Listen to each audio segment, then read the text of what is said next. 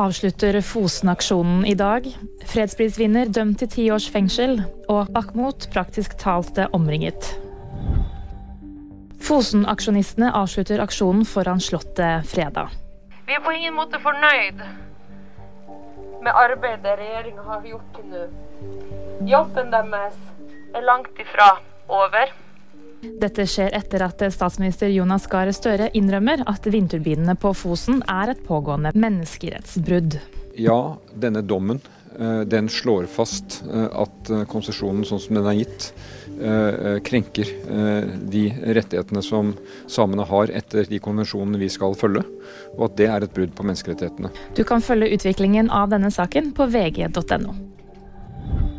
Fredsprisvinner Ales Bialyatsky er dømt til ti års fengsel i Belarus. Det melder NTB, som viser til det russiske nyhetsbyrået TASS. Bialyatsky er tiltalt for å ha smuglet penger inn i Belarus og finansiering av demonstrasjoner, og har erklært seg uskyldig. Byen Bakhmut i Ukraina er praktisk talt omringet. Det hevder Wagner-gruppens leder Jevgenij Prigasjon, ifølge nyhetsbyrået Reuters.